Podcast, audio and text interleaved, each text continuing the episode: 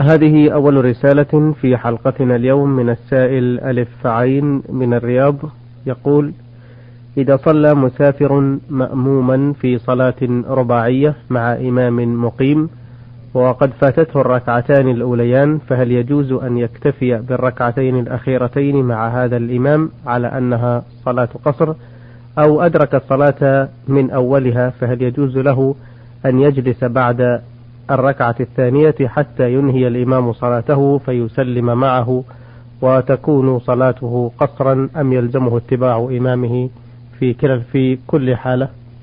الحمد لله رب العالمين وأصلي وأسلم على نبينا محمد وعلى آله وأصحابه أجمعين. هذا يسأل عن الرجل المسافر إذا صلى خلف المقيم. هل نعم. يلزمه الإتمام؟ أو يجوز أن يقتصر على ركعتين؟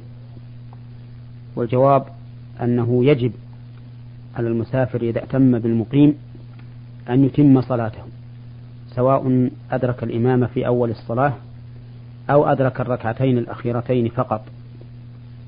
وذلك لعموم قول النبي صلى الله عليه وسلم إنما جعل الإمام ليؤتم به. وقوله صلى الله عليه وسلم ما أدركتم فصلوا وما فاتكم فأتموا. ولأن ابن عباس سئل عن الرجل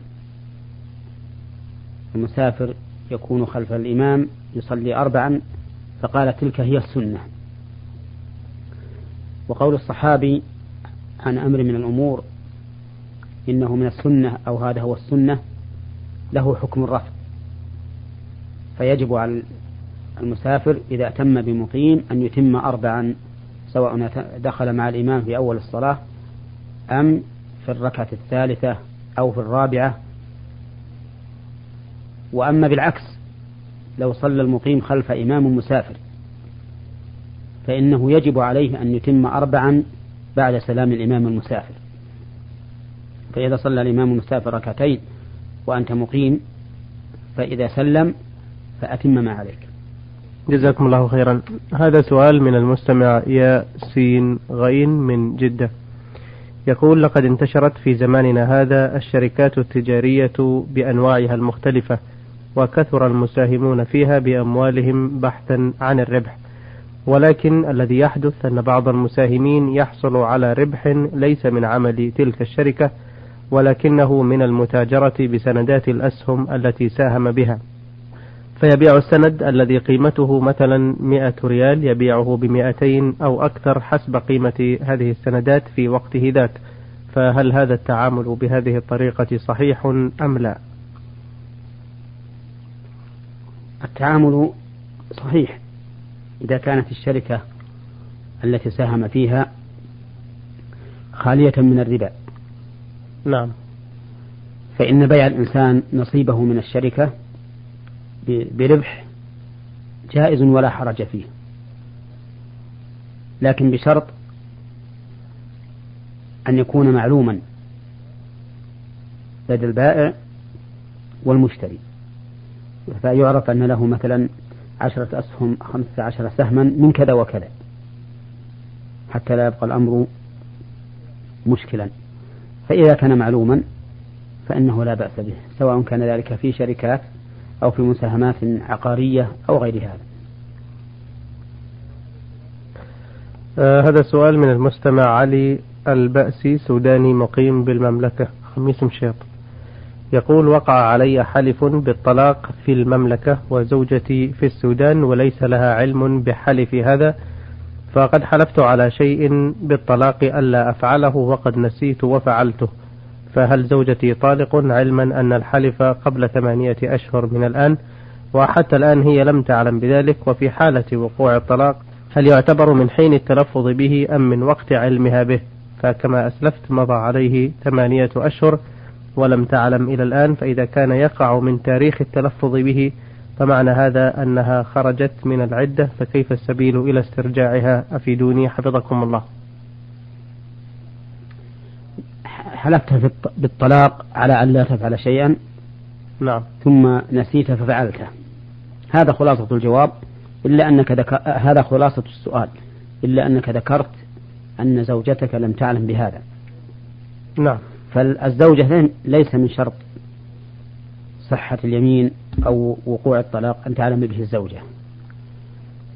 ولكن ما ذكرته من حالك حيث فعلت ما حلفت عليه ناسيا فإنه لا شيء عليك. لا كفارة يمين ولا طلاق زوجة لأن الله تعالى يقول ربنا لا تؤاخذنا إن نسينا أو أخطأنا. قال الله تعالى قد فعلت. فعلى هذا نقول الزوجة باقية معك ولم تطلق. وليس عليك كفارة يمين لأنك فعلت ما حلفت عليه ناسيا. وإذا كان هذا الذي حلفت عليه من أعمال الخير فإننا ننصحك بأن تفعله وتكفر عن يمينك. بإطعام عشرة مساكين أو كسوتهم فإن لم تجد فصيام ثلاثة أيام متتابعة. بارك الله فيكم. هذا بقية سؤال للسائل عين ألف ألف مصري مقيم بالدمام وقد سبقت الإجابة على سؤاله الأول في حلقة ماضية. سؤاله يقول أنا متزوج من امرأة ولي منها أربع, أربع بنات ولكنها لا تصلي علما أنها تصوم رمضان وحينما طلبت منها أن تصلي أفادت بأنها لا تعرف الصلاة ولا تعرف القراءة. وأرجو الإفادة كيف يكون موقفي معها فأنا أنوي إحضارها لتأدية فريضة الحج فهل يصح ذلك أم لا؟ وماذا علي أن أفعله نحوها؟ ذكرت أن زوجتك لا تصلي ولكنها تصوم وأنك إذا أمرتها بالصلاة تقول إنها لا تعرف القراءة. نعم. فالواجب عليك حينئذ أن تعلمها تعلمها القراءة إذا لم يقم أحد بتعليمها. ثم تعلمها ثم تعلمها كيف تصلي. وما دام عذرها الجهل فإن من كان عذره الجهل يزول بالتعلم. فعلمها وأرشدها إلى ذلك. ثم إن أصرت على ترك الصلاة بعد العلم فإنها تكون كافرة والعياذ بالله وينفسخ نكاحها. ولا يحل لها أن تأتي إلى مكة. ولكن تصلي الآن وإن لم تحسن القراءة فإنها تذكر الله وتسبحه وتكبره ثم تستمر في صلاتها. ويكون هذا الذكر بدلا عن القراءة حتى تتعلم ما يجب منها. وما مضى من أيام ليس عليها فيها قضاء؟ ما مضى من أيام ليس عليها قضاء. نعم. ليس عليها قضاء في ذلك ولكن يجب على زوجها الآن أن يبادر بإصلاح حالها. بارك الله فيكم. هذا سؤال من المستمع صالح صلاح مصلح من صنعاء الجمهورية العربية اليمنية. يقول أنا رجل متزوج ولله الحمد وعندي مال وليس لي إلا بنت واحدة فقط ولي أخ وأخت من أبي وبنتي حالتها المادية ميسورة وتريدني أن أسجل كل ما يخصها من التركة لعمها الذي هو أخي وأختي كذلك تريد نفس الشيء تسجيل ما يخصها لأخيها مع العلم بأنني متزوج بامرأة غير أم البنت ولم تنجب شيئا ولكنهم يكرهونها وأنا لا أريد أن أفرط في نصيبها وفي نفس الوقت أخشى لو سجلتها لأخي أن يخرجني أنا وزوجتي من البيت فأرجو إرشادي إلى العمل الأصلح. بارك الله فيكم. العمل الأصلح أن تبقي مالك بيدك ولا تكتبه لأحد لأنك لا تدري ماذا يعرض لك في حياتك. وأنت إذا قدر الله عليك فمت. ورث الورثة من مالك بقدر ما جاء في شريعة الله سبحانه وتعالى. ثم إنك كيف تكتبه لهؤلاء باسم أنهم ورثت ورثتك؟ مع أنك لا تدري فقد يموتون قبلك وتكون أنت الوارث لهم. فالمهم أنك أننا ننصحك بأن تمسك عليك مالك ولا تكتبه لأحد وخله بيدك تتصرف فيه كما شئت في الحدود الشرعية.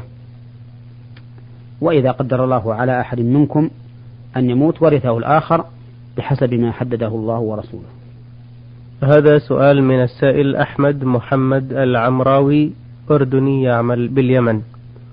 يقول أنا رجل متزوج من ابنة عمي ولي منها خمسة أطفال وقد حصل بعض خلاف ولكنها أصرت على طلب الطلاق مني فحاولت إقناعها بالرجوع عن قرارها هذا الذي لا يعود بالعاقبة الحسنة ولكنها أصرت على ذلك حتى اشتد غضبي منها فقلت لها أنت طالق وحرمت علي وأنت كأمي دنيا وأخرى. وبعد ذلك توسط الأهل والجيران وأعادوا المياه إلى مجاريها وندمت وندمت على فعلها ورجعت إلى بيتها وأولادها. أرشدوني إلى ما يجب علي في هذه الحالة وهل يعتبر قولي لها ظهارا تجب فيه الكفارة أم طلاق أم ماذا؟ أولا نسأل عن الغضب. هل هو غضب شديد؟ بحيث لا تدري ما تقول. فإن هذا الكلام يعتبر لاغيا لا الطلاق ولا الظهار. نعم. لأن الغضبان الذي يصل إلى حد لا يدري ما يقول لا يعتبر كلامه شيئا. أما إذا كان الغضب دون ذلك بحيث تتصور ما, ما قلت وتملك نفسك فإنه قد وقع عليك الطلاق والظهار أيضا. لأنك شبهتها بأمك. وتشبيه الرجل زوجته بأمه هو الظهار لقوله تعالى ما هن أمهاتهم إن أمهاتهم إلا اللائي ولدنهم وقال تعالى وما جعل أزواجكم اللائي تظاهرون منهن أمهاتكم فيجب عليك الآن إن أردت أن تعيدها أن لا تطأها حتى تفعل ما أمرك الله به فتعتق رقبة إن وجدت وإلا تصوم شهرين متتابعين من قبل أن تباشرها فإن لم تستطع فإطعام ستين مسكينا. نعم. وفي نفس الوقت يكون ذهب طلقة واحدة عليه؟ يكون عليه طلقة واحدة. نعم. تضاف إلى ما سبقها من الطلاق إن كان قد طلقها. نعم. يعني إن كانت الطلقة الأخيرة فتعتبر بائنا منه. نعم. وعليه كفارة الظهار أيضا. إذا كانت بائنا منه ما ترجع إلا بعد زوج. نعم. فإذا تزوجت بزوج نكاحا صحيحا ثم فارقها الزوج الثاني وأراد أن يسترجعها. يسترجعها بنكاح فهو لا يقربها حتى يكفر. كفارة الظهار. نعم. بارك الله فيكم. هذان سؤالان من السائل محسن محمد أبو زيد مصري مقيم بالعراق. يقول عثرت على طفل ميت ومجرد من الثياب في ماء نهر جار. وهذا الطفل حديث الولادة وكان جسمه متهتكا فلم أستطع غسله مثل الموتى وحسب شريعة الإسلام. فهل علي إثم في دفني له دون غسل؟ وما الذي أفعله لو تكررت مثل هذه الحالة؟ إذا تكررت مثل هذه الحالة وصار غسل الميت متعذرا فإن أهل العلم يقولون ييمم بمعنى أن الحي يضرب التراب بيديه ويمسح بهما وجه الميت وكفيه ثم يكفنه ويصلي عليه ويدفنه. وأما ما جرى منك فإنه لا ينبغي للإنسان في مثل هذه الأمور المشكلة أن يفعل الشيء قبل أن يسأل أهل العلم. لقوله تعالى فاسألوا أهل الذكر إن كنتم لا تعلمون بالبينات والزبر. ولا سيما في مثل هذا الأمر الذي تعمله لغيرك لا لنفسك. فإنه يجب عليك الاحتياط وعدم التسرع في الأمور حتى تسأل أهل العلم. وهذا الطفل الذي فعلت به ما فعلت إذا كنت لم تصلي عليه وأنت تعرف قبره فصل على قبره وإلا فصل عليه صلاة الغائب لأنه يجب على المسلمين أن يصلوا على أمواتهم فالصلاة على الميت كما هو معلوم من فروض الكفايات. أه، بالنسبة للغسل فيما إذا كان متعذرا غسل الميت مثلا لإصابة بالغة أو أه، تهتك في بشرته كما أخبر ففي كل هذه الحالات آه، ييمم؟ ييمم هكذا قال أهل العلم. نعم. إذا تعذر غسله لاحتراق أو غيره ييمم وإذا قدر أنه قد تقطع أوصالا كما يحصل والعياذ بالله في بعض الحوادث نعم. فإن هذه الأوصال تجمع وتغسل ويربط بعضها ببعض وتكفن جميعا وتستوفى بقية الإجراءات. نعم. آه، سؤاله الثاني يقول اسمي محسن وهو من أسماء الله الحسنى. وكل من يعرفني يناديني يا محسن. ولم أستطع تغييره لأنه مسجل بأوراق رسمية. فهل هذا حرام أم مكروه وعلى من يقع الذنب في هذا؟ على من سماني بهذا الاسم؟ أم علي؟ أفيدوني أفادكم الله. المحسن من صفات الله سبحانه وتعالى ولا أعلم أنه ورد من أسمائه. نعم. فالإحسان صفة فعل الله سبحانه بحمده. ولا يحرم التسمي به ما دام الإنسان قصد مجرد العالمية.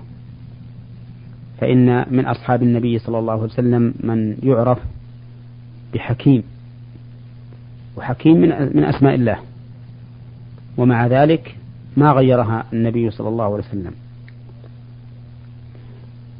فإذا كان هذا الاسم الذي تسميت به أو سميت به مجرد علم فلا حرج عليك في الاستمرار في التسمية به نعم.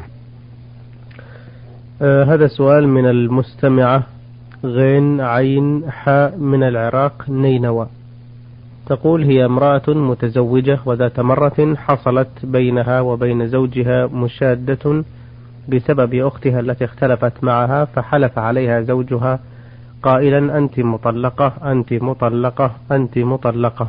ثلاث مرات إن وصلت بيت أختك, بيت أختك.